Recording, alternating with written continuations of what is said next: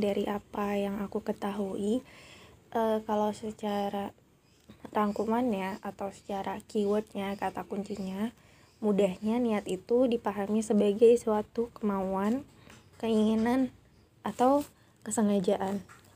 Nah itu kalau secara uh, pendek kata yang mudah diingat ya. Tapi kalau secara istilahnya lebih meluas lagi niat itu adalah suatu kemauan uh, atau keinginan yang itu dibarengi atau berbanding lurus dengan usaha kita untuk mewujudkan keinginan itu atau uh, uh, di sini penekanannya itu uh, kepada suatu pengaplikasian atau pengamalan kita. Nah, itu baru uh, disebut mutlak niat. Jadi harus ada keinginan disertai usaha mewujudkannya. Nah, kalau misalnya uh, ada keinginan tapi nggak ada usaha sama sekali untuk mewujudkannya, itu beda cerita lagi ya. Jadi uh, itu masuknya kepada tekad. Nah, sampai sini kita udah menyamakan persepsi ya uh, tentang niat secara pendek kata tuh itu uh, dan kita juga jadi tahu garis pembedanya mana niat dan mana tekad jadi kita harus bisa membedakan kedua hal itu ya teman-teman atau misalnya contoh lainnya uh, kita misalnya udah meniatkan nih uh, secara bulat gitu kita uh, akan komitmen lagi untuk uh, ngajinya gitu. Kalau toh misalnya kita kan sekolah aja bisa berjam-jam kan duduk gitu uh, di bangku sekolah. Atau misalnya kita bisa uh, ngikutin mata kuliah secara daring berlama-lama berjam-jam gitu. Masa dalam waktu seminggu aja untuk kita ngaji kita nggak punya sama sekali gitu. Terus dari sini kita mulai uh, ada kesadaran buat ngaji gitu untuk konsisten ngajinya. Uh, untuk uh, belajar ilmu agama yang jelas itu fardu ain dan uh, menjadi suatu kewajiban kita sepanjang hayat kan belajar agama ya. Uh, dengan kita ikutan mentoring kayak gini dengan kita uh, ikutan uh, kajian gabung belajar bareng di sini. Nah uh, nah ketika kita uh, memang pada kenyataannya terwujud kitanya pun sering uh, aktif ngajinya uh, aktif ikut nyimak ikut dengerin apa yang disampaikan uh, pada saat kajian untuk benar-benar bisa mendekatkan diri karena Allah uh, mak uh, maka ketika itu sejalan dengan pengamalannya gitu niatnya itu berhasil gitu. Tapi kalau misalnya ternyata udah niat tapi nggak kesampaian atau misalnya uh, kitanya ngaret gitu uh, kita sering uh, terlalu pasif gitu ya dalam ngajinya.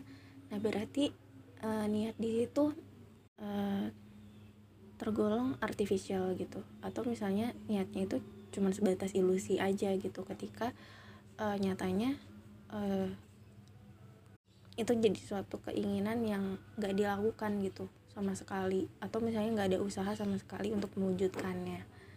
Nah sampai situ sih uh, kalau sampai situ ada yang mau ditanyakan teman-teman? Hmm. uh, nah kalau misalnya kita ulik lagi lebih dalam terkait niat uh, kita akan menemukan suatu fakta baru kalau ternyata niat itu punya impact yang signifikan di kehidupan kita atau impact yang berpengaruh buat kita.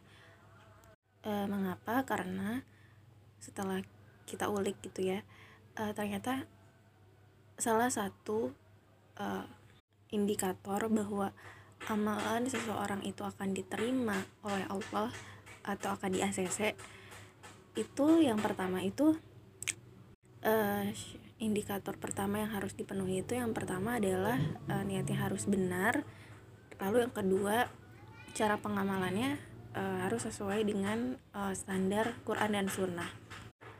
Nah e, segitunya gitu niat itu e, signifikan agar e, amalan kita itu bisa diterima gitu dan tentu niatnya yang bagaimana? Niat yang bersih karena Allah. Nggak e, terkontaminasi sama niat-niatan yang lain uh, sehingga amalannya pun akan diterima. Tapi kalau niatnya terkontaminasi justru amalan itu sekalipun tergolong uh, itu amal soleh yang besar tapi ketika diiringi dengan niat yang terkontaminasi dengan niat niatan-niatan yang lain maka itu akan menjadi suatu amalan yang sia-sia amalan yang tidak ternilai sama sekali. Uh, nah gitu teman-teman. Saking uh, pentingnya arti suatu niat. Atau juga aku pernah baca ya tentang uh, hukum kurban bagi orang yang sudah meninggal. Itu gimana sih? Nah ternyata uh, setelah dipelajari uh, ternyata kalau misalnya uh, almarhumnya gitu. Uh, almarhum atau almar almarhumahnya itu berpesan atau berwasiat sudah niat ingin kurban lalu diteruskan sama uh, anaknya gitu ya untuk mewujudkan kurbannya itu. Nah maka uh, si kurban ini insya Allah akan diterima oleh Allah. Tapi kalau misalnya dari awal tapi kalau misalnya almarhum atau almarhumahnya uh, tidak berpesan atau belum berniat kurban terus di terus anaknya mengorbankan uh, kurban itu untuk bapak dan ibunya. Maka kurbannya itu uh, tidak sah gitu karena dari awal uh, ada sesuatu yang hilang di situ gitu ada sesuatu yang miss yaitu niatnya. Nah maka dari itu ya ya gitu. Uh, impactnya tuh besar banget ya. Uh, bisa mempengaruhi sah atau tidaknya suatu um, ibadah kita gitu loh. Jadi ya itu tadi kita penting untuk um, memperhatikan niat.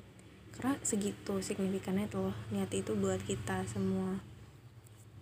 Nah jadi teman-teman ini masih nyambung dari segmen kemarin pembahasan kemarin yaitu kita ngebahas tentang niat Nah, tapi kita akan membahas niat dari uh, sisi yang lebih fresh lagi.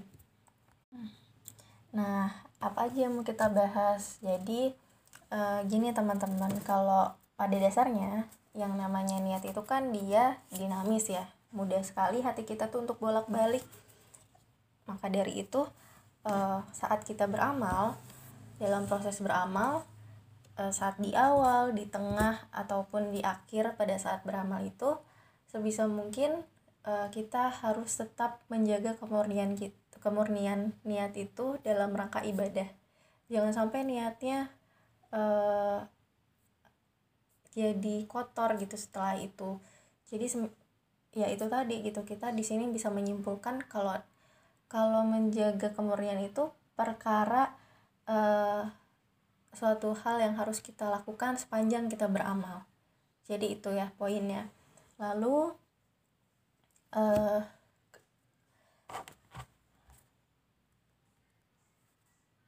uh, maaf teman-teman aku lupa apa ya aku ingat-ingat dulu. Uh, oh iya jadi ini hal terpenting juga. Uh, ketika misalnya kita beramal terus tiba-tiba dibanjiri oleh pujian-pujian gitu Nah, apa yang harus kita lakukan gitu agar e, niatan kita ini tetap terjaga dan gak ada pujian yang mampir ke hati, gak ada pujian yang e, masuk gitu ke dalam hati. Jadi ketika ada pujian itu sebisa mungkin kita langsung over gitu pujian itu ke Allah. Kita kembalikan ke Allah e, dengan mengucapkan alhamdulillah segala puji bagi Allah. Hmm, atau juga kalau dari eksperimen pada apa ya eksperimen waktu itu uh, kan aku pernah ya um, minta suatu saran gitu ke salah satu uh, teteh di LDK gitu. Dan waktu itu aku uh, spontan memuji gitu. Wah makasih ya teh gitu. Uh, udah dikasih saran gitu. Sarannya tuh menenangkan banget. Sarannya tuh uh, ini solutif banget dan gak salah nanya ke teteh. Teteh kalau nyampein itu nggak pernah menggurui aku gitu. Jadi aku sangat mempercayakan cerita apa pun ke teteh gitu. Nah e, ketika si teteh ini mendapat pujian gitu respon si teteh ini tuh e, yang aku suka ya dari responnya teteh ini itu e, langsung e, mengingat bahwa yang memudahkan lisannya si teteh ini untuk berbicara yang memudahkan lisannya teteh ini untuk memberikan hal-hal yang solutif gitu. Uh, itu bukan teteh deh tapi Allah yang memudahkan lisan teteh uh, supaya teteh uh, supaya teteh bisa bantu adek gitu. Nah dari situ uh, iya sih uh, suatu hal yang harus kita ingat terus gitu ya. Uh, ketika pujian itu adanya pujian itu hakikatnya ya milik Allah gitu nggak uh, ada uh, hak kita untuk dipuji. Kayak gitu sih. Sekalipun misalnya uh, kita nggak dapat reward kita nggak dapat pujian gitu.